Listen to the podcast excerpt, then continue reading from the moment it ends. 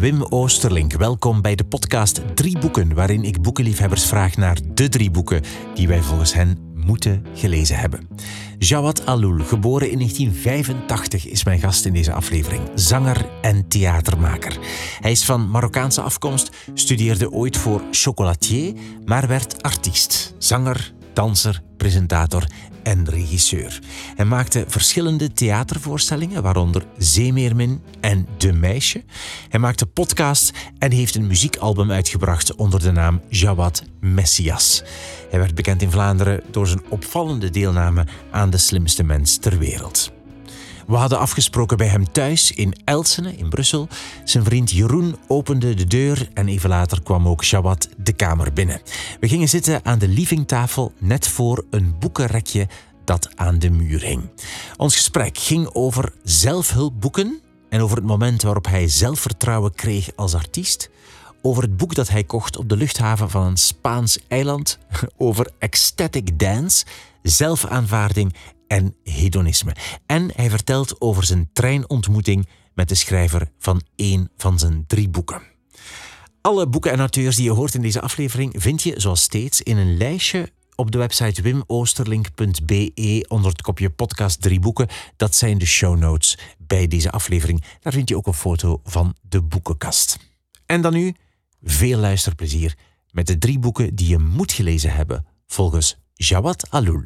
Als je samen muziek bent aan het maken en, en de pianist begint bijvoorbeeld uh, um, een sequentie en die herhaalt die om te zien of dat we daar iets over kunnen maken, dan, dan hoor ik bijvoorbeeld wel de cello spelen en dan zie ik dikwijls ook de drums. Dus dat, is...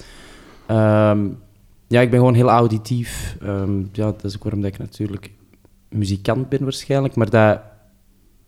Ik word daar zelfzekerder en zelfzekerder in. En dat is eigenlijk heel leuk om die evolutie te zien om daar ook gewoon dat bijna te geloven. Want in het begin denk je van, ja, ik, ik denk dat ik de cello hoor en ik denk dat ik dat hoor. Maar je zit dan nog altijd dikwijls in je trip van, ben ik hier wel in mijn positie om dat te zeggen? En, en daar is een serieus kantelmoment of zo in gekomen bij mij en dat is heel fijn. En dat is ook waarom ik heel graag naar die jams ga, omdat dat heel goede leerscholen zijn voor dat daar eigenlijk te leren. Om echt gewoon te leren vertrouwen op, ik hoor nu deze, ik hoor nu deze. Want als vocalist en als front uh, ik moet kunnen rekenen op mijn band, maar zij moet ook kunnen rekenen op mij als ik zeg van ja, nee, nu gaan we de koers veranderen. Dus ja, heel veel aan het leren eigenlijk. Maar, uh... die, die, omslag, hoe is dat, wanneer is dat gebeurd of hoe is dat gebeurd? Weet je, weet je nog een moment of zo wanneer dat was? Welke omslag? De omslag naar die grotere zekerheid. Ik denk dat mijn vader is overleden. Ja. Omdat, wanneer is hij overleden? Uh, 2019. En de dag ervoor had ik een presentatie op de Antwerp Pride. Dat was een closing festival en ik heb toen moeten presenteren. Ik heb toen ook gezongen. Uh, ik heb toen ook een evenement georganiseerd dat weekend. Dus dat weekend was één grote euforische high. Uh, en maandag is mijn vader gestorven. En woensdag was ik al in Marokko voor die te begraven. Uh, en ik denk die week in Marokko heeft mij ik had een boekje ook mee van, mijn, eh, van een mint. Ah, dat, is maar, dat is jammer, ik heb die niet. Wat dus, had je mee? Ik had een boekje mee. Een boekje? Ja, The Four Noble Truths. Oké. Heel goed boek. Okay. Heel poëtisch. Um, en dat is eigenlijk een soort handleiding van, oké, okay, hey, er zijn heel veel waarheden. Je hebt, uh, je hebt, in de islam heb je de, de, de vijf... Um, ben het woord kwijt. Zie je, zo islamitisch ben ik dus. Goed bezig. Iets met de, vijf, zo. de vijfdes, ja. dus elke, uh, maar dus Four Noble Truths. Maar het is eigenlijk in, in die week dat ik mijn vader ben gaan begraven, heb ik daar ja, geconfronteerd geweest met heel veel mensen die mij lange tijd niet meer hadden gezien. Uh, veel mensen die mij ook natuurlijk uit mijn centrum wilden halen door ja, soms rare opmerkingen te maken of iets te zeggen. Uh, en ik heb daar toen heel veel aan mijn broer aan gehad, Nordin. En wij hebben daar die week samen gespendeerd. En, en ik heb toen mijn familiale taken gedaan met glans. en ik heb die week overleefd, als het ware. Um, en, en ik denk dat ook veel van mijn zelfzekerheid komt niet alleen uit mijn uh, verwezenlijkingen of zo, maar ook echt gewoon vanuit mijn, mijn relatie met mezelf en met mijn ouders en, en met mijn familie natuurlijk, omdat je daar ook geconfronteerd wordt eigenlijk met hoe zelfzeker ben je. En dat, dat, dat is daar eigenlijk een heel groot kantelpunt of zo geweest. En op welke manier dan? Bedoel je dat je, goh, dat je vader er niet meer moest zijn om dat te doen gebeuren? Of door de confrontatie met je familie? Of door wat je broer, hoe je broer je geholpen heeft? Wat bedoel je? Wel een combinatie van allemaal eigenlijk. Ik denk de confrontatie met mijn vader die echt fysiek stopte. Dus echt, dat was ook gewoon... Terwijl we wel op een goed punt zaten, voelde ik nog altijd een belemmering, omdat ik nog altijd natuurlijk als kind van rekening hou met. Was dat zo? Ja. Ja, tuurlijk. Omdat ik denk dat je als kind niet liever wilt dan dat je ouders gewoon ook eh, blij voor je zijn en, en eh, aanvaarden wat je doet. En ik zat al eigenlijk op een heel ander spectrum van, van levensstijl. Dus natuurlijk probeerde ik wel soms gewoon rekening te houden met hem, omdat ik dat ook gewoon eh, respectvol vind. Ik geloof niet zo in kunnen zijn wie je bent. Ik, ik, ik denk wel dat iedereen moet kunnen zijn wie die is, maar niet iedereen kan, kan altijd zichzelf zijn overal ten tijde. Want dat betekent dat jij ook niet altijd jezelf kan zijn ten volle ten tijde. Want je moet rekening mee houden met elkaar. Je moet niet jezelf gaan kleineren. Dat is allemaal niet dingen, maar ik denk dat het net mooi is om rekening te houden met elkaar. Dus ik hield veel rekening met hem als ik hem ging bezoeken of als ik... Weet je, ik denk dat iedereen, elk kind wel weet dat je soms dingen censureert aan je ouders. dus ehm, ja, ik denk die combinatie met ook wel de combinatie van mijn broer, die dan mij heel veel zelfzekerheid gaf door te zeggen dat ik ja, helemaal oké ben en ook gewoon eh, dat ik eigenlijk heel goed weet waar ik mee bezig ben in mijn leven. Ehm, en dan ook gewoon de confrontatie met mensen die inderdaad eh, het onmogelijk vinden om nog maar begrip voor u te kunnen opbrengen. En op een of andere manier creëert dat wel zelfzekerheid in uzelf, omdat je, hoe moeilijk het ook is, maar een projectie van iemand anders heeft eigenlijk niks met u te maken. Natuurlijk is dat heel moeilijk, is heel makkelijk gezegd, want als je zo'n Mhm. projectie van iemand krijgt, dan moet je daar ook natuurlijk doorgaan. En waarom denkt hij dat? En waarom vi- vind ik dat erg dat hij dat denkt of zegt? Ehm, dus ja, ik denk die combinatie van al die dingen samen, als ik dan terugkwam, dan was ik helemaal zeker van... Oké, ik heb heel dit verleden als banketbakker achter de rug, als chocolatier. Ik ben als drag begonnen, ik heb die sprong gemaakt. En ik denk het moeilijkste voor een artiest of een kunstenaar is om te zeggen van... Ik ben artiest, ik ben kunstenaar. Fulltime.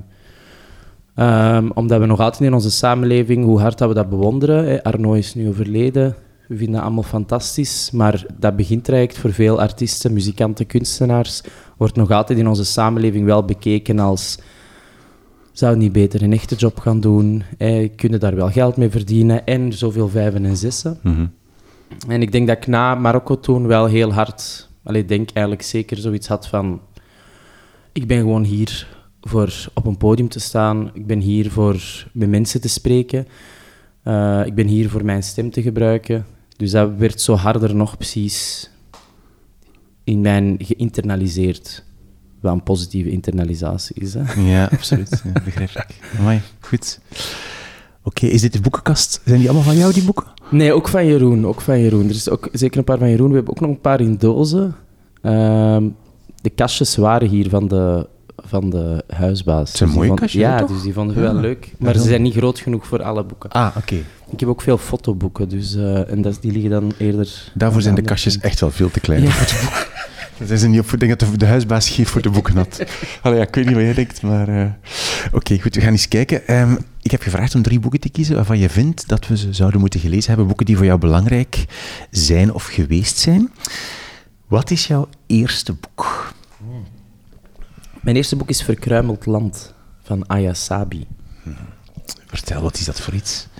Het, is een, ehm, het boek zijn eigenlijk allemaal korte verhaaltjes ehm, over een plek, een, een fictieve plek, maar tegelijkertijd die zo sappig, zal ik het noemen, wordt beschreven. Eh, het is vooral de, de taal die mij heeft getriggerd en natuurlijk ook de auteur.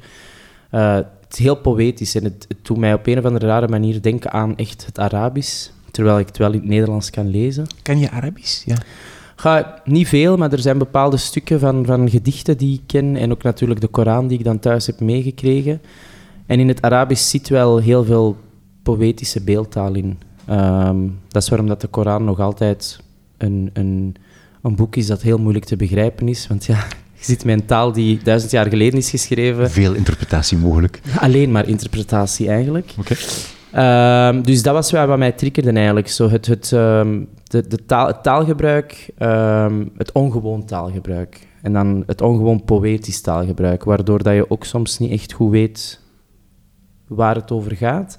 Maar soms vind ik dat wel leuk om te verdwalen in woorden of zo. Zodat je ook nog eens terug moet lezen. Mhm. Eh, omdat ik al te snel dikwijls in het leven heel snel over dingen ga. En dan tweede natuurlijk ook gewoon de auteur. Ja, ken je haar? Ah, ja, sowieso. Het is een, het is een Belgische? Ja. Het is een Nederlandse, die in Nederlandse. België woont. Ja. Eh, we volgen elkaar. eh, wij, wij zijn elkaars fan, digitaal. Ehm wij houden ook van taart. Ik ben ze één keer tegengekomen op de trein en dat was heel fijn. We hebben toen... eh, ja, zij, zij heeft een grote liefde voor taart. En jij ook. Ja, en hoe heb je dat dan... Oké. wel, ik ben, ik, ik, wij volgden elkaar en dan ben ik die toevallig op... eh, toeval bestaan niet, maar op een trein tegengekomen naar Hasselt. Eh, en dan hebben wij denk ik echt een half uur samen met Jeroen daarmee gepraat. Dat Over taart fijn. praat. Ook over taart. Ook over taart. Ook over taart. Ze heeft dan gezegd van, maak eens iets voor mij, want jij bent al van beroep. eh. Nee, nee, nee. Ze zijn vooral zelf mee taart gaan halen. Nee, want ik moet zeggen, ik kan zeker taarten bakken, maar een taart thuis bakken of een taart van bij de bakker, waarom is de taart van de bakker beter? Omdat hij ook een betere oven heeft. En. Goed. Dus Maar- taart bakken thuis is... eh, Maar, dus, maar wacht eens, je, je- maar hoe ben je dan in contact gekomen? Via, oh, via Instagram of, of via Twitter Instagram, of zo? Ja, oké. Ja, gewoon via sociale media. Ja. En was dat voordat je dat boek kende? Of Nee, was dat daarna? Dat was door het boek? Ja. Oké. Het ding is ook natuurlijk, gezien mijn roots en ook gezien mijn identiteit en de, en de vele gemeenschappen waar ik toe behoor, als iemand van, van de Marokkaanse of toch met een islamitische achtergrond iets uitbrengt, dan je kunt niet anders dan daar geïnteresseerd in zijn. Dat is iets heel raar eigenlijk. Omdat je, omdat je hunkert naar eigenlijk zulke verhalen en zulke stemmen. Omdat voor mij is dat iets volledig nieuw natuurlijk. Een, een, een Marokkaanse auteur, een vrouw, ehm, die toch wel geprezen wordt om haar talent eh, en niet beschreven wordt om zoveel andere zaken die we in het verleden gewoon zijn. Dus dat, ik kan niet anders dan gewoon zo... Ik moet weten wie dat is. Is dat echt, Ja, ja? absoluut. Omdat dat... Er zit zoveel herkenning in en er zit ook gewoon zoveel... ehm, en er is zoveel gebrek aan, eigenlijk. Want Ja, dat ben- was mijn vraag. Betekent dat dan dat er, zo, dat er echt zo weinig... Tuurlijk, tuurlijk. Oud, ja, oké. Ja, zo weinig. En ook, ik denk... Er, in, er zijn zeker auteurs geweest in het verleden met, met mijn achtergrond. Ehm, maar we hebben wel in het verleden, ik ben van 85, is er wel een, een, het, zeker de periode voor en na 9-11 heb je toch wel een heel andere soort representatie of zo gehad. Dus ik denk dat het, het eh, veel mensen met een Arabische of een Maghrebijnse achtergrond hebben toch nooit ten volle eigenlijk het platform kunnen krijgen, omdat er opeens een ander licht werd geschenen op een deel van hun identiteit. En dat is waarom ik haar ook apprecieer. Het is niet alleen talent qua de pen die ze vast heeft, eh, maar ook wel gewoon het vermogen om de samenleving te beschrijven op een heel oprechte manier. Met wel haar islamitische achtergrond natuurlijk, maar altijd wel op een heel verbindende manier, ook naar andere gemeenschappen toe.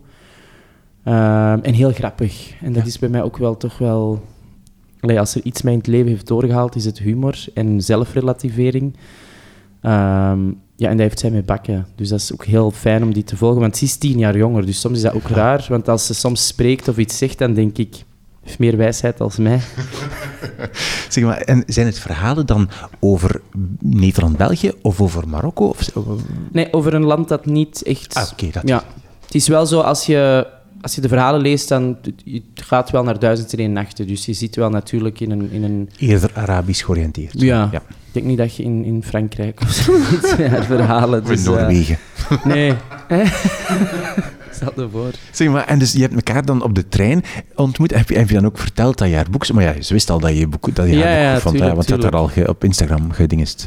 Ja, ik moest vooral winnen aan het feit dat zij ook van mij eigenlijk eh, fan was of zo. Dus dat was ook heel... Ja, dat, dat, is, hè.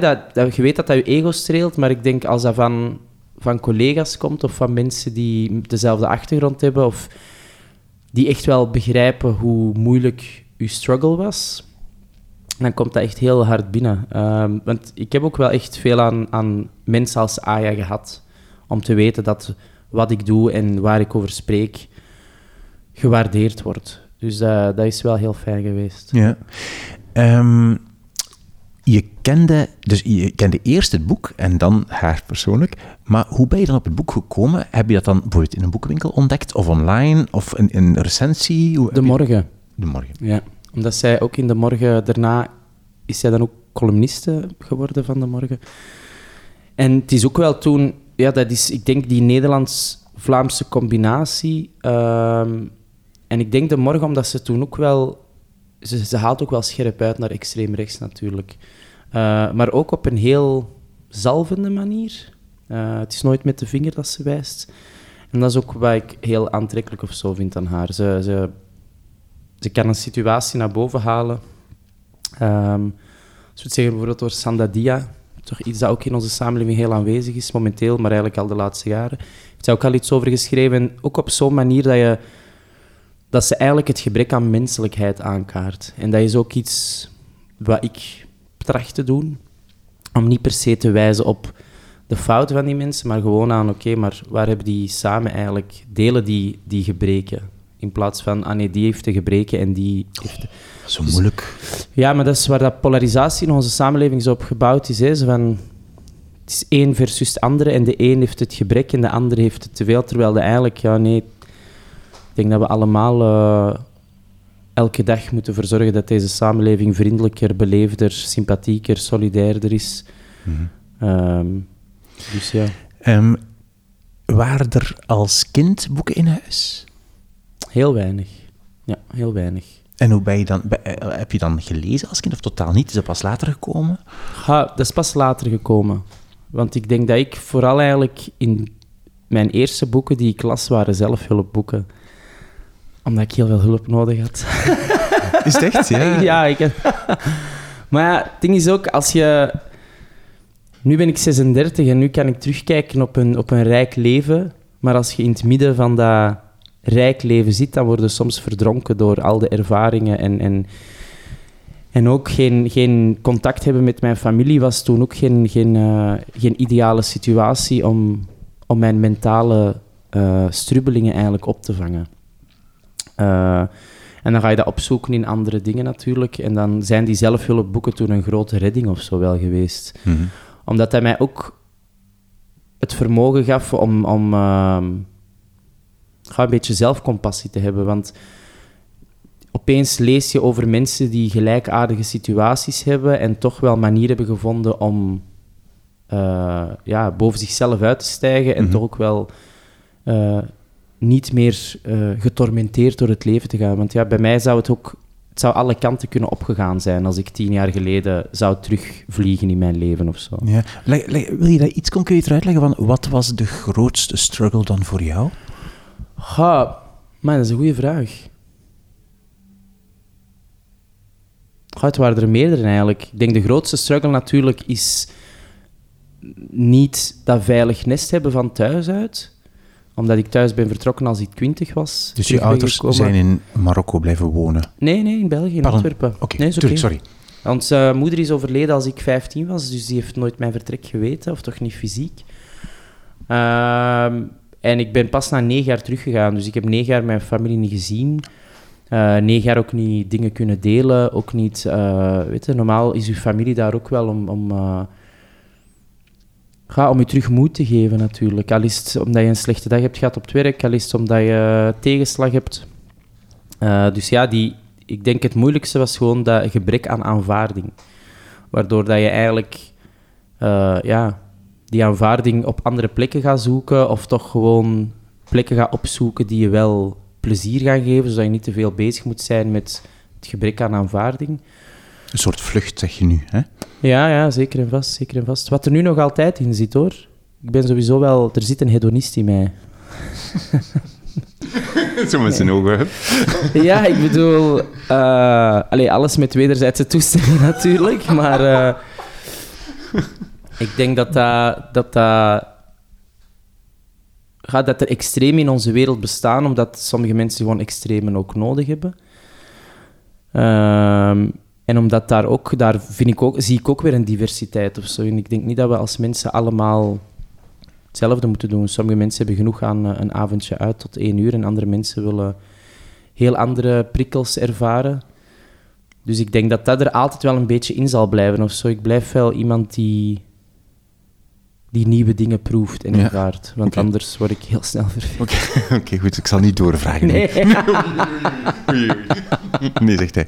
Goed. Nee, maar eh, ik ga nog even door, hè, want op de, je zei ehm, dat het gebrek aan... Het, het grootste struggle, zeg maar als ik het verkeerd zeg, is het gebrek aan aanvaarding. Hè? Dus eigenlijk het gebrek aan aanvaarding van je ouders, van wie je bent, zo zeg ik het goed? Mm, Ja, maar ik denk van mijn ouders was er zeker wel een aanvaarding. Nooit uitgesproken in woorden. Want als ik uiteindelijk na negen jaar terugging naar mijn vader, dan werd ik wel aanvaard om binnen te komen en aanvaard om... er, er was wel een vorm van aanvaarding, maar ik denk het moeilijkste in dat verhaal natuurlijk is... Je zit eigenlijk met een, een gezin en daar rond zit eigenlijk een, een kleinere gemeenschap. En die kleinere gemeenschap heeft wel wat invloed op dat gezin. Dus het is eigenlijk een soort domino-effect dat je niet kan tegenhouden. Ehm, en dat is ook het moeilijke eraan. Er is ook niet bijvoorbeeld... Het is altijd makkelijk als we één schuldige kunnen aanwijzen.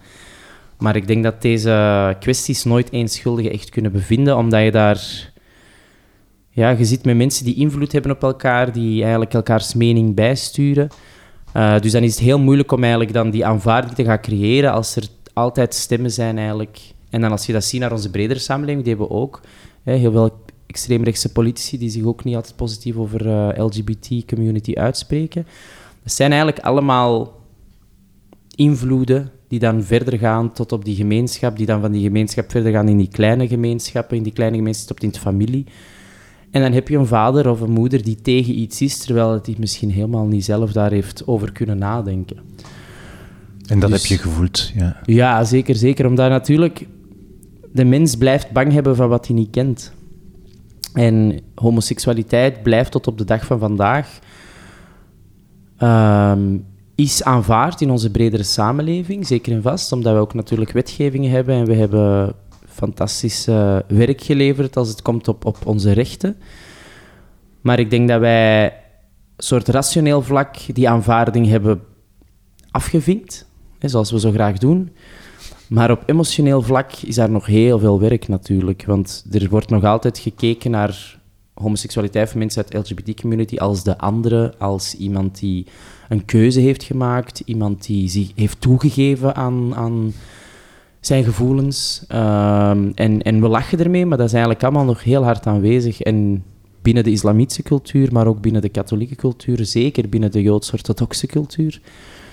En ook daar weer, de islam is voor mij een soort leer, een handleiding, waar je vooral heel veel moet lezen en heel veel moet leren begrijpen, heel veel interpretaties eh, en heel veel eigenlijk reflectie. Dus veel vooral met jezelf bezig zijn, maar natuurlijk religies transformeren. En nu is de islam toch wel, een, toch veel islam die ik ken, heel zwart-wit.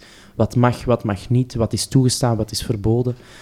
Alweer zo die polarisatie eigenlijk. Ehm, en dat wekt nog meer angst op natuurlijk. En dan is homoseksualiteit wel een beetje het boegbeeld van... Dat is de grote angst daar. Dat is eigenlijk een manifestatie van het Westen. Mhm. Ah, ja.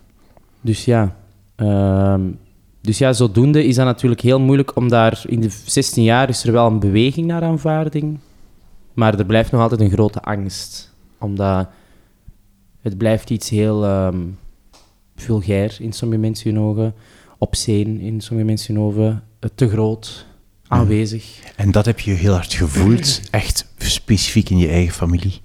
Of in Ah, de familie of gezin, of de, de rond, rondliggende... vooral. ja, vooral, ja. Er rond vooral en ook, ja, mensen geven graag kritiek, hè. Dus ja, ik denk... En dat zijn ook wel veel verhalen dat ik niet van weet. Ik, ik heb mij er ook lang niet goed bij gevoeld, omdat ik eigenlijk... Ik heb daar veel van geleerd, omdat ik toen heel heroïs thuis vertrokken was, bij wijze van spreken. Zo, oké, ik vertrek en ik kies mijn eigen leven. Maar dat was voor mij de eerste bewustwording rond... Oei, wat ik doe heeft invloed op veel mensen. En je moet daar niet mee bezig zijn. In een ideale situatie moet je daar niet mee bezig zijn. Maar langs de andere kant moet je daar wel mee bezig zijn dat alles wat wij doen een effect heeft. Mhm. Een onmiddellijk effect op de mensen met wie we wonen en zo verder. Ehm, dus ik weet eigenlijk soms niet hoe dat mijn familie daardoor ook is gegaan. Want ik denk dat dat voor hen ook niet makkelijk was, omdat er altijd wel mensen zijn die vragen stellen en vragen blijven doorvragen. Dus ik denk dat dat voor hen ook eh, heel moeilijk was. Ik denk dat zij, allee, weet ik eigenlijk, en ik zie dat bij andere mensen die worstelen daarmee, het is verscheurd zijn tussen wat je voelt en wat je denkt de hele tijd. Want ik denk, als ze gewoon naar het voelen zouden luisteren, dan weten we allemaal dat je gewoon iemand anders moet aanvaarden. Want we weten ergens hoe verschrikkelijk het is om verstoten te worden. Maar dat verstand blijft de hele tijd wel zeggen van ja, nee, want er is dit boek en dit boek zegt dat het zo is en deze persoon laat duidelijk zien dat het niet zo is. Mhm. Zeg, en jouw, jouw moeder, dus ehm, eh, in je jeugd eigenlijk, ehm, was je toen, wist je toen al eh, dat je op mannen viel? En heeft Ja, je moeder ja. daarop toen, allee, heeft je moeder daarop gereageerd, of hoe was dat? Ga, ik voelde wel ergens als ons moeder wist van... Het kind heeft meer zorg nodig. Eh, maar echt uitgesproken van dat ze het wist, nee. Omdat ik ook natuurlijk in die tijd... Ik heb mijn 15 jaar mijn moeder verloren, dus ja... Dan, dan, de dingen met jongens waren nog heel experimenteel en super onschuldig. Eh, waar ik mij dan ook super schuldig om voelde achteraf. Maar dat was, dat was helemaal geen... ehm, dat was nog geen feit of zo. Dat was eigenlijk allemaal nog in het, in het ijle ehm, achter de deur. Dus er was nog niks eigenlijk dat echt eh, zichtbaar was. Natuurlijk, wat er wel zichtbaar was, was een kind dat duidelijk ehm, gevoelig is, in contact staat met zijn gevoelens, daarover durfde ook spreken. Eh, heel fluïde was qua, qua bewegen en zijn en liggen en staan. Ehm, dus ik denk dat daar wel al mijn moeder wist van... Oei, dit is geen jonge jongen. En het grappige van al, in de Arabische cultuur en zelfs in de Afghaanse cultuur zijn er heel veel voorbeelden van. Van jongens die inderdaad fluïde zijn en bewegen tussen die twee. Ehm, er zijn ook zelfs eh, overleveringen dat deze ook gewoon tussen die samenleving in bewogen, dat die ook moesten met respect behandeld worden. In Afghanistan is dat dan nog een stap verder. Daar zijn die echt bijna zoals de Romeinen, worden die ook gevraagd om te dansen dan voor andere mannen. Dus, dus er is een heel lange cultuur van homoseksualiteit en genderfluiditeit aanwezig binnen de Marokkaanse cultuur. Maar de geschiedenis is iets raar. Hè? Ofwel houden we de geschiedenis goed bij en dan eh, blijven we die als nostalgisch naar boven halen. Ofwel leren we er totaal niks uit. Ofwel bedekken we ze gewoon volledig en doen we alsof dat niet bestaan heeft. Maar er heeft echt een heel lange generatie bestaan waar dat, dat gewoon was. Ja. Mhm. Ik voelde wel altijd een, een, scha een arm of zo rond mijn schouder. Dat was er wel altijd. Ja. Maar tegelijkertijd ook wel een schop onder mijn kont, omdat ehm, ik denk dat zij mij wel heeft geleerd om voor mezelf op te komen. Wat goed is en wat ook nu natuurlijk, denk ik, de basis is van waar ik, waarom dat ik ook durf spreken over deze dingen of zo. Hmm, Oké. En ben je dan taart gaan kopen met Ayas? Nee. Kom maar van mij. Dat is wel waar. Ah ja, als je luistert, komt taart gaan eten. Taart gaan eten, hij wil taart gaan. Goed zo. We gaan naar jouw tweede boek. Het eerste boek was eh, dus Aya Sabi met Verkruimeld Land. Yes. Wat is jouw tweede boek? Het tweede boek is eh, De 13 Geboden. En dan staat er 13 dingen die mentaal, die mentaal sterke mensen niet doen. Maar dat is gewoon zo'n zelfhulpboek. Ja. is, echt, ja? is dat zo'n... eh, ja? Vertel eens. Ha, ik heb dat... eh, ik denk dat ik dat heb gekocht op de luchthaven. Als ik, denk ik, naar Gran Canaria of zo typisch boeken die je op luchthavens koopt, toch? Iedereen... ik- Ik weet het. Ze ik ben daar er- ook niet anders dan dat soort nee, boeken. nee, ik ben er ook schuldig aan. Maar ehm, leest ook heel makkelijk. Ehm, ik weet ook niet of dat het echt eh, psychologisch onderbouwd is. Zo. Dat weet ik eigenlijk heb ik helemaal niet. Of onder, alhoewel, jawel, psychotherapeut. Ehm, ik kwam toen van een, een moeilijke relatie na mijn huwelijk. Eh, en ik ontdekte dat ik altijd mensen rond mij nodig had. Ik kon niet alleen zijn. Ehm, en toen was ik denk ik een jaar of 26. Eh, waardoor dat ik eigenlijk had besloten om alleen op vakantie te gaan. Eh, omdat ik zoiets had van, de, de beste therapie is shocktherapie, dus laat ons gewoon uiteindelijk natuurlijk op die vakantie heb ook veel mensen ontmoet en met heel veel mensen die tot op de dag vandaag nog eigenlijk vrienden zijn. Maar de meeste van de tijd was ik daar wel alleen. Uh, moest ik alleen wakker worden, moest ik rondkijken, waar ga ik naartoe, hoe ga ik, hoe ga ik hier uh, de dag doorgeraken en hoe wil ik mijn dag vullen. En dan had ik dat boek ook gewoon mee, omdat ik... Ik merkte ook aan mezelf dat ik mezelf in de weg stond. Ik denk, als je dat besef hebt als mens, dat je eigenlijk wilt vooruitgaan in het leven, maar merkt dat het leven niet mee wilt, doordat je zelf in de weg staat, doordat je altijd mensen verkeerd interpreteert, doordat je van dingen uitgaat, doordat je aangevallen voelt, doordat je eigenlijk te veel met je worsteling bezig bent. En elke toenadering van elke mens ziet als een deel van die worsteling of zo. Terwijl dat misschien oprecht iemand vraagt, van waar kom jij? Uh, en ik dan antwoord, waarom moet jij dat weten? Ja, dus een, alles als een aanval eigenlijk. Ja. Um, en ik denk dat heel veel mensen in onze samenleving daar momenteel in zitten, omdat natuurlijk als je niet goed met jezelf zit, als je vragen hebt rond je eigen identiteit, als je niet weet van waar je, naar daar, van waar je komt naar waar je gaat, dan zijn dat heel veel vragen natuurlijk en dan kunnen andere mensen heel confronterend zijn.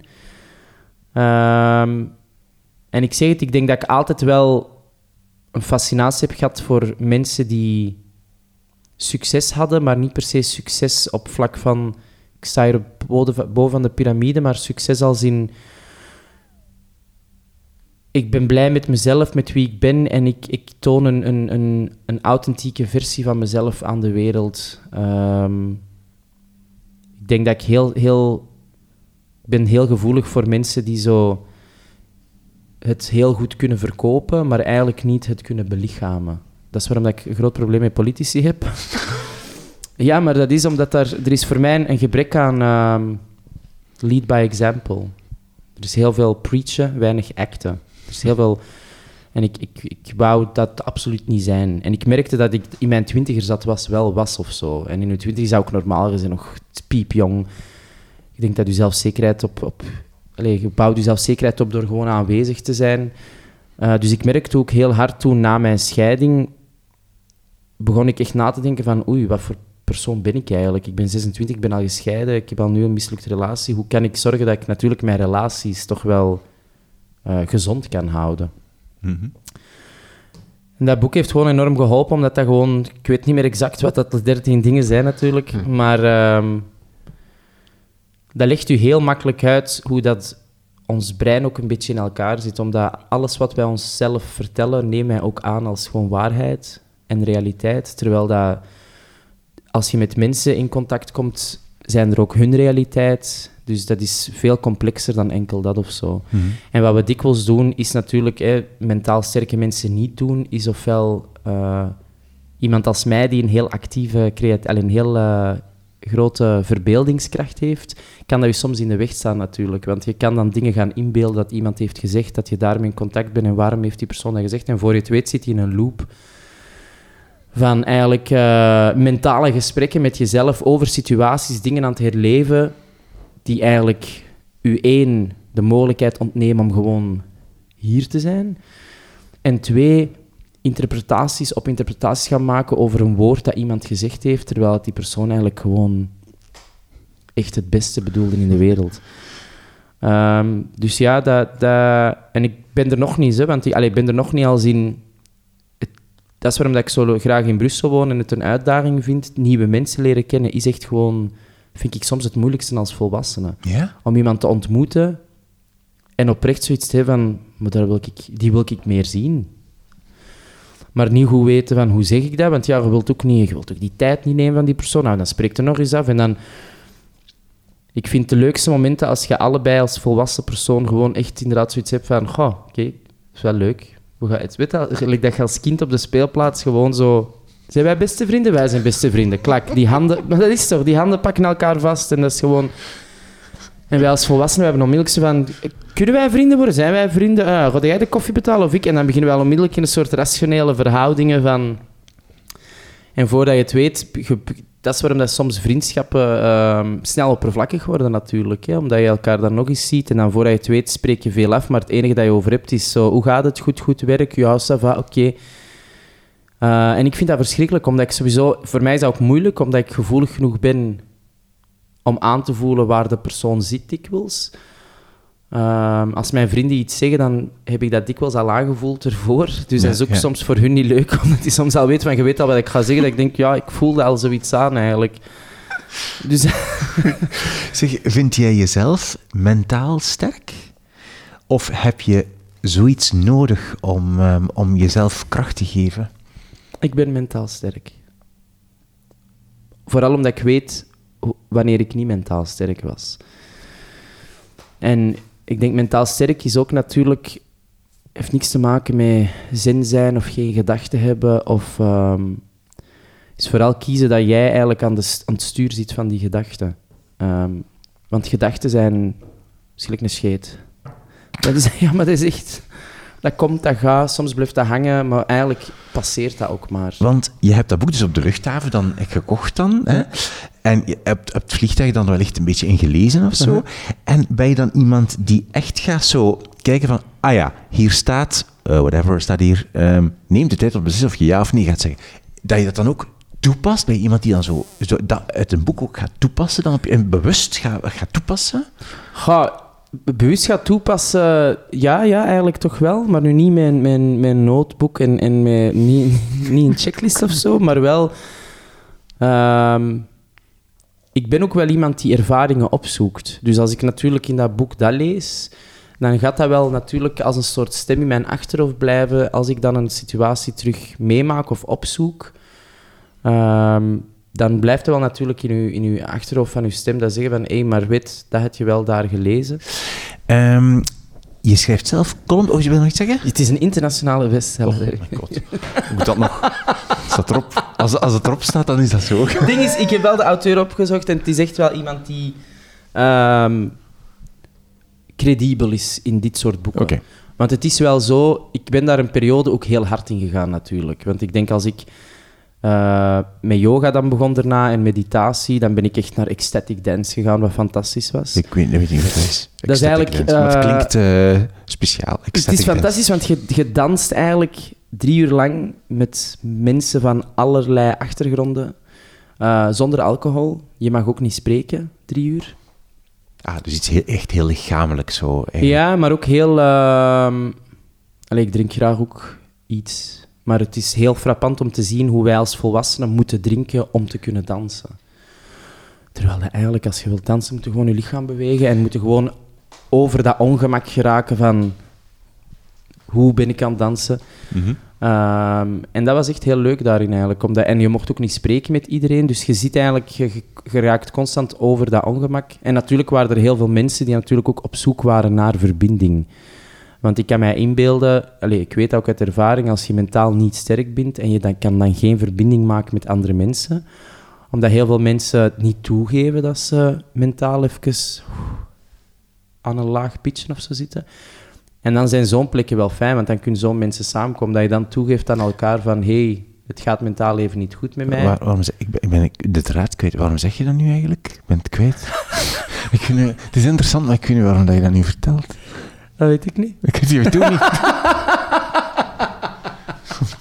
Ik kan ook door blijven gaan. Het is goed, is goed. Maar dus dat was heel tof, die ecstatic dance eigenlijk. Ja. Dat is goed, dat is eigenlijk conclusie. Nee, fantastisch. Nee, oké, heel goed. Oké, nee. Ik was plots aan het afvragen. Ja, tof, maar waarom, waarom vertelt je dat doe niet meer. Nee, eh, wacht, ik ga iets anders vragen. Ja, ehm, je schrijft columns natuurlijk. Hè? Ehm, hoe, is, eh, hoe belangrijk is dat voor jou? Zo, dat, je de, dat je je gedachten opschrijft, dat, dat, omdat het over boeken gaat, hè? En schrijven en zo, is dat een belangrijk deel van een proces voor jou? Of is dat gewoon iets dat je er toevallig bij doet?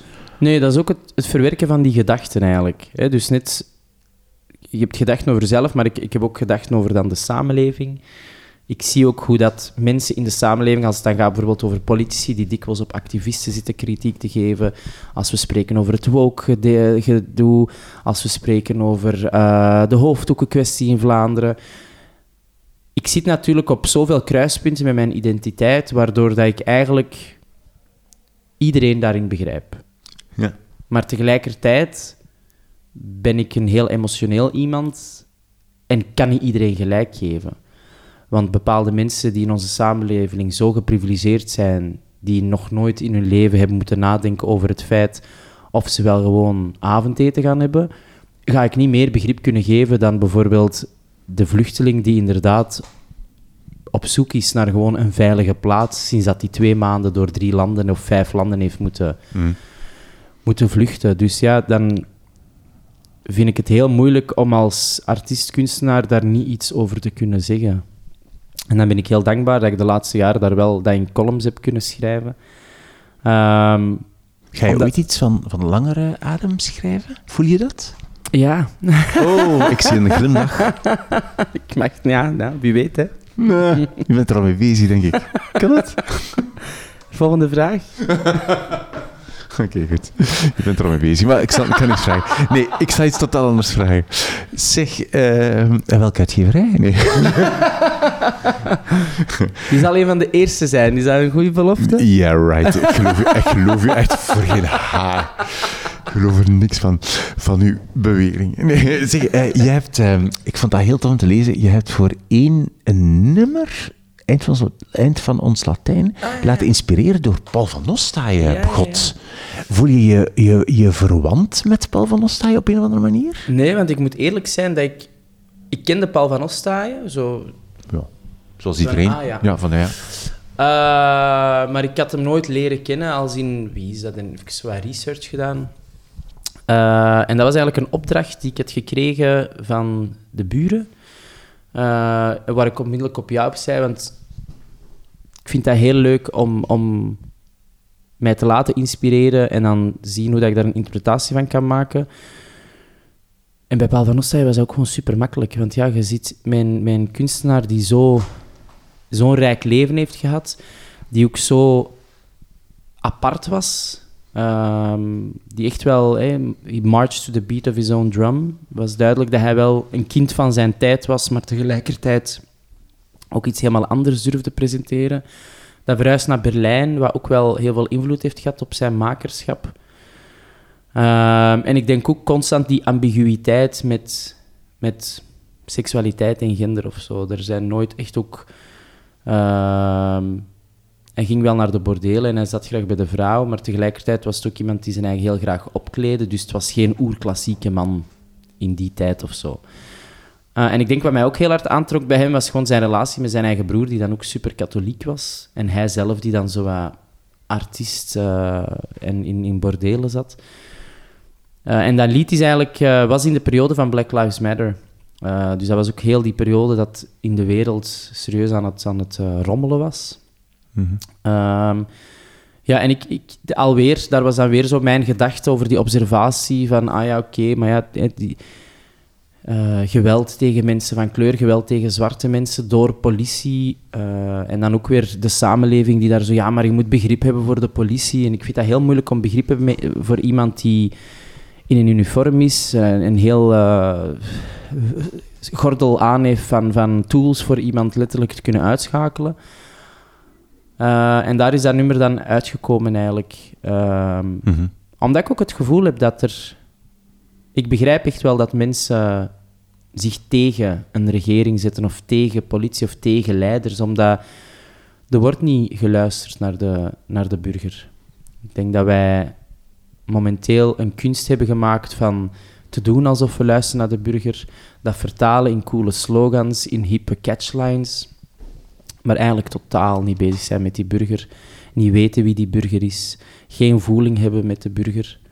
Um, en, en ja, dat, dat, ja, dat nummer was gewoon eigenlijk uh, mm -hmm. een reactie daarop. Ja, oké. Okay. Ja, ik, ik, heb het, ik haalde het aan puur voor uh, Paul van Ostaaien, omdat ah, ja. daar... Uh, nee, ik vind het interessant. Dat was goed. Helemaal niet voor uw lied. Totaal niet voor uw lied. Niet, nee. Het lied interesseert mij. Hoe ging dat eigenlijk? Nee, nee, nee, nee, nee, super, super. Nee, nee, nee man, dat is echt onzin. Oh god. Goed. Zeg, um, we komen van uh, de 13 geboden.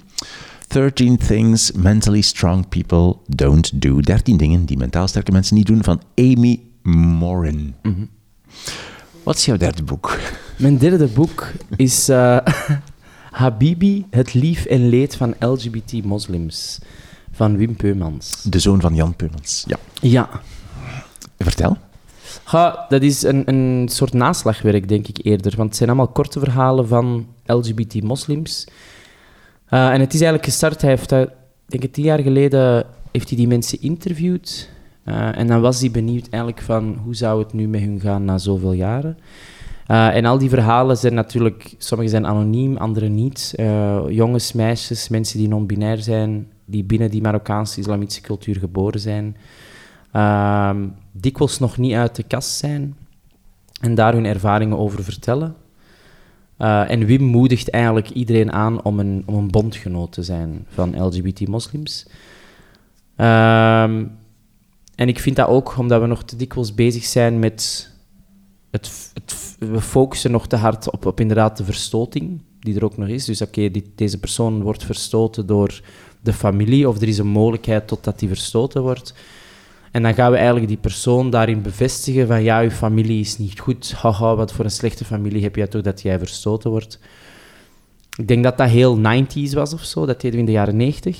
Um, nu is het net van oké, je familie laat die even voor wie ze zijn jij bent geweldig, jij bent fantastisch, jij, bent, jij mag helemaal zijn wie je bent. Om ook dat narratief daarin te veranderen eigenlijk. Want natuurlijk is die situatie niet makkelijk, maar die persoon kan nog altijd wel zijn beste leven leiden natuurlijk. Die familie draait wel bij. Er zijn genoeg voorbeelden van eigenlijk. niet alleen over seksualiteit. Families draaien altijd wel bij. Die geven graag in het begin zo graag wat weerwerk. Mm -hmm. um, dus ja, heel mooie korte verhalen. Um, soms pijnlijk, soms uh, heel oprecht.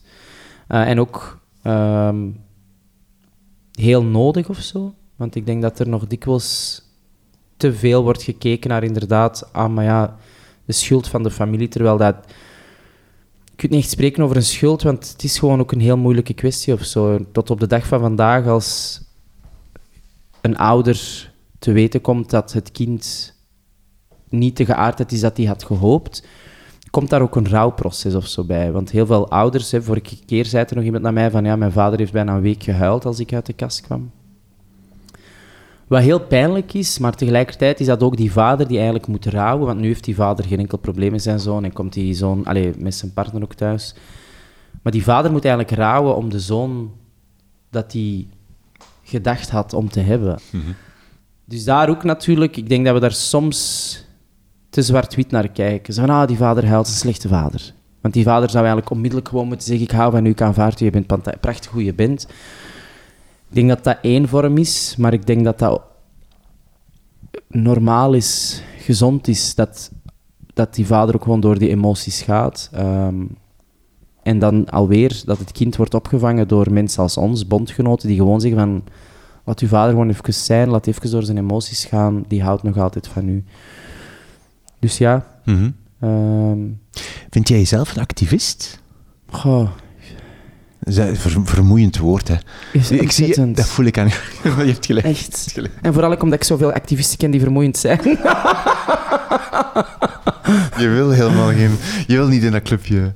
Nee, omdat ik ook... Ik vind dat niet iets omdat... Ik probeer altijd mijn eigen wijs te maken dat wat ik rond LGBT-moslims doe dat dat... Dat komt echt vanuit een, vanuit een drang. Dus ik, ik hoop altijd dat ik dat zo nobel mogelijk blijf doen of zo. Hmm. Dat dat nooit over mij gaat. Hmm. En ik heb soms het gevoel bij activisten dat dat ineens over hun gaat. En dat dat ineens, dat, is, dat, dat ineens iets is waar, waar dat ook weer succes rond kan gebouwd worden.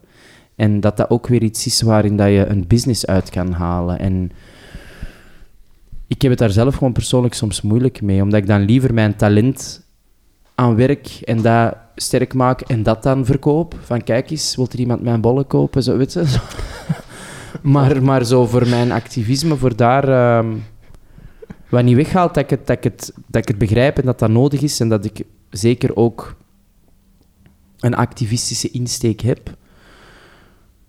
Maar ik vind dat soms een, een moeilijk woord. Ja, maar ik snap, ik snap u. Ja, dat is soms gewoon... Uh...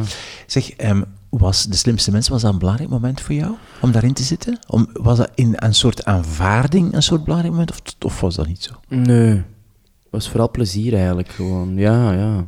Ik ben ook totaal geen goede quizzer. Want ik weet dat ze van het programma uit zelf het echt jammer vonden.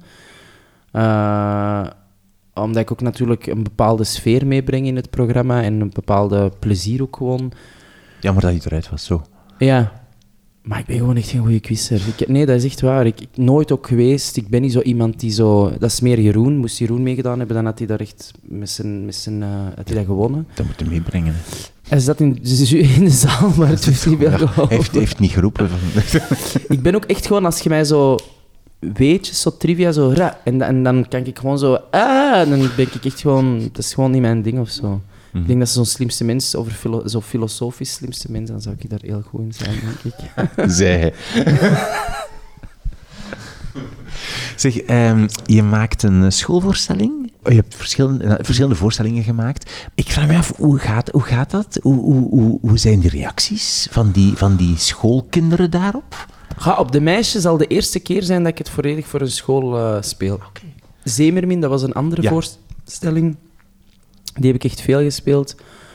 Uh, de reacties zijn eigenlijk zoals de reacties in onze bredere samenleving. Hè. Je hebt heel veel mensen die gewoon stil blijven en, en je ziet wel van, hm, ik heb hier van alles over te zeggen. Dan heb je een paar mensen die ja, uh, misschien de activisten zijn in de klas, maar dan activisten van eerder dan het, het, het, de religie. Vermoeiend. ja, eigenlijk wel, zeker en vast. Maar ja, ik ben daar dan als volwassen persoon, dus ik moet een voorbeeld... Ik heb een voorbeeldfunctie dan. Dus dat, dat is wel niet makkelijk geweest, want dat is eigenlijk die, die jaren in die scholen zijn er heel veel jongens vooral geweest die provoceren, bepaalde dingen willen uitvragen witte vragen zoals wie, wat heb jij dan graag als je dat met man seks heeft? Dus ik denk dat dat ook... Ja, er hangt gewoon zoveel onwetendheid rond eigenlijk. En ik denk dat dat komt omdat wij aan homoseksualiteit nog altijd denken aan lust. Uh, wat het ook is, hè. er is zeker ook dat fysieke aspect.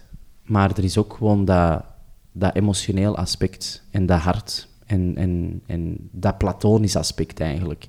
En ik denk dat dat bij veel mensen nog altijd een moeilijke is om dat te echt los te laten of zo. Van, ah ja, homoseksualiteit, ah ja, seks, ah ja, anaal. Zo. Ja, maar ja. Wat ook bijna normaal is, omdat wij gewoon ook niks anders dan in onze media en zelfs daar later, vroeger zal ik maar zeggen, is dat ook het beeld geweest dat, dat de kerk heel hard heeft gehangen daar rond. Um, de jaren tachtig en de AIDS-pandemie hebben daar ook niet echt aan bijgedragen hadden kunnen aan bijgedragen worden als de wereld daar ook niet toen had zo op gereageerd. Van, ah, dat is een homoziekte. Dus dat zijn allemaal nog dingen... Ja, wij denken dat het verleden iets is dat eigenlijk uh, niet meer daar is of zo, maar dat zijn dingen die echt wel in ons onderbewustzijn mm. heel aanwezig zijn. Mm. En bij de jongeren is dat ook nog harder aanwezig, want ja, als je uit een islamitische familie komt, ja, dan is dat helemaal ver van je bedshow of zo. Want dan weten we wel dat die prides bestaan en je ziet dat zo eens opnieuw passeren. En dan pikken ze altijd natuurlijk de, de, de grote beelden eruit. En dan staat er ineens iemand voor u die eigenlijk heel rustig en beheerst vertelt over zijn leven uh, en over de strubbelingen. En dan mogen ze vragen stellen. En dan natuurlijk, veel van die jongeren stellen zodoende absurde, extreme vragen om u ook een beetje uit uw lood te slaan natuurlijk. Om te zien van, oké, hoe zelfzeker is deze persoon? Hoe, hoe rustig is die eigenlijk wel? Ja, en dan is het dan aan, aan mij natuurlijk om mijn cool te bewaren en, en verstandig te antwoorden. Of mijn momenten ook niet, want ik heb daar ook wel geleerd, want dat eerste jaar was mijn socioloog. Uiteindelijk, ik kan daar zitten als een soort uh, zen-boeddhist en de hele tijd, ah ja, ik ga nu een antwoord geven. Maar ik heb ook soms bij de jongeren ook wel uh, een corrigerende tik gegeven. Zo van, zo spreek je mij niet aan. Dus dat was heel fijn eigenlijk. Maar ik denk voor die jongeren ook heel veel. Ja. Ik moest denken aan... Uh, als ik op school zat, dan kwam dokter Bokour langs. Ah, voor de, de, de voor de ja. ja. En ik weet nog dat dat bij ons toen ook zo... En ik weet nog dat ik dikwijls naar dat moment terugging van... Ah, misschien ben ik zo de dokter Bokour over... maar dan over homoseksualiteit. De dokter Bokour van de homoseksualiteit. Ik had het niet kunnen verzinnen. Zeg, en dus uh, vrijdag ga je spelen voor de eerste keer met die voorstelling in je eigen oude school. Ben je zenuwachtig daarvoor? Vind je spannend? Um, ja, maar niet, niet als in... Um, dat, dat ik er stress voor heb of zo. Eerder gewoon... Ik, ik, ik hou zo van die full circle moments of zo in mijn leven. En dit is er ook weer zo weer. En ik heb er al een paar gehad in mijn jonge leven. Eh, dus dit is er ook weer zo ene, zo van... Ik kom ergens terug, maar de weg die ik inmiddels heb afgelegd is wel van zo'n danige hoeveelheid. Dus een, een, zo'n grote symbolische waarde voor jou dan. Ja, en ik heb dat ook gehad als ik terug naar huis ging en met mijn broer terug mee begon op te trekken. Dan gingen wij ook naar een concert van eh, UB40 in de Roma. En dat was dan iets dat, dat thuis mijn broer heel veel naar luisterde, UB40. Dus als ik bij hem toen naar dat concert ook ging, was dat ook zo'n moment van... Ik weet nog dat hij dat toen zei van... Ja, dat was dan twintig jaar later. Dus ineens zitten zo in een concertzaal van een band waar dat je vroeger naar een cassetje op luisterde van je broer. Dus dat was ook weer zo'n moment eigenlijk van... ehm, van tegen je eigen te zeggen van... Je bent toch sterk. Ja, wel, voilà. Een moment om, om- van, van zelfreflectie of zo, toch? Dus Ja. vrijdag wordt een moment van zelfreflectie. Of het is nu al bezig, voel ik. Ga, het is al bezig en ik hoop vooral... Ik denk wat ik altijd hoop als ik naar school ga, is ehm, dat ze gewoon echt zien en voelen dat het vanuit een goede plek komt. Want dan bestaat er echt wel magie, want dan kunnen die jongeren ook inderdaad luisteren en dan heel veel empathie opbrengen. Ehm, alweer, als zij niet te veel in, in verdediging zitten, of in de aanval dan eerder, eh, dan kan dat eigenlijk heel mooi ontstaan. En zelfs de momenten waarin dat zij dan eerder wel al in de aanval staan, zo van oké, wie is deze persoon, die gaat over geloof spreken, die gaat over dit spreken, dan kan dat soms ook wel frictie creëren. Maar ja, ik, dat hoort erbij of zo. Ik denk dat dat, dat, dat oké is. Oké. Wil jij jouw drie boeken nog eens herhalen? Wat was jouw eerste boek? Het eerste boek is Verkruimeld Land van Ayasabi. Twee. De dertien geboden van Amy Morin. Ja, en drie. Habibi, het lief en leed van LGBT-moslims van Wim Peumans. Dankjewel voor dit gesprek en heel veel succes. Dank Dit was mijn gesprek met Jawad Aloul. Alle auteurs en boeken die we noemen in deze aflevering vind je op wimoosterlink.be, de website waarop alle show notes van alle afleveringen van deze podcast te vinden zijn. Daar staat ook een foto van het boekenrek van Jawad in zijn appartement in Brussel. Volg drie boeken ook op Instagram, drie underscore boeken, drie in letters geschreven. Abonneer je op deze podcast in de app waar je nu aan het luisteren bent. Zo mis je geen enkele aflevering. Geef eventueel een recensie als dat kan. Dat helpt om de podcast verder te verspreiden. En laat vandaag of morgen aan twee vrienden of vriendinnen weten dat ze ook eens naar deze aflevering moeten luisteren. Daar doe je mij een groot plezier mee. Twee is genoeg. Ik ben Wim Oosterlink. Dit is de podcast Drie Boeken. Dankjewel voor het luisteren en voor het delen. En tot de volgende keer.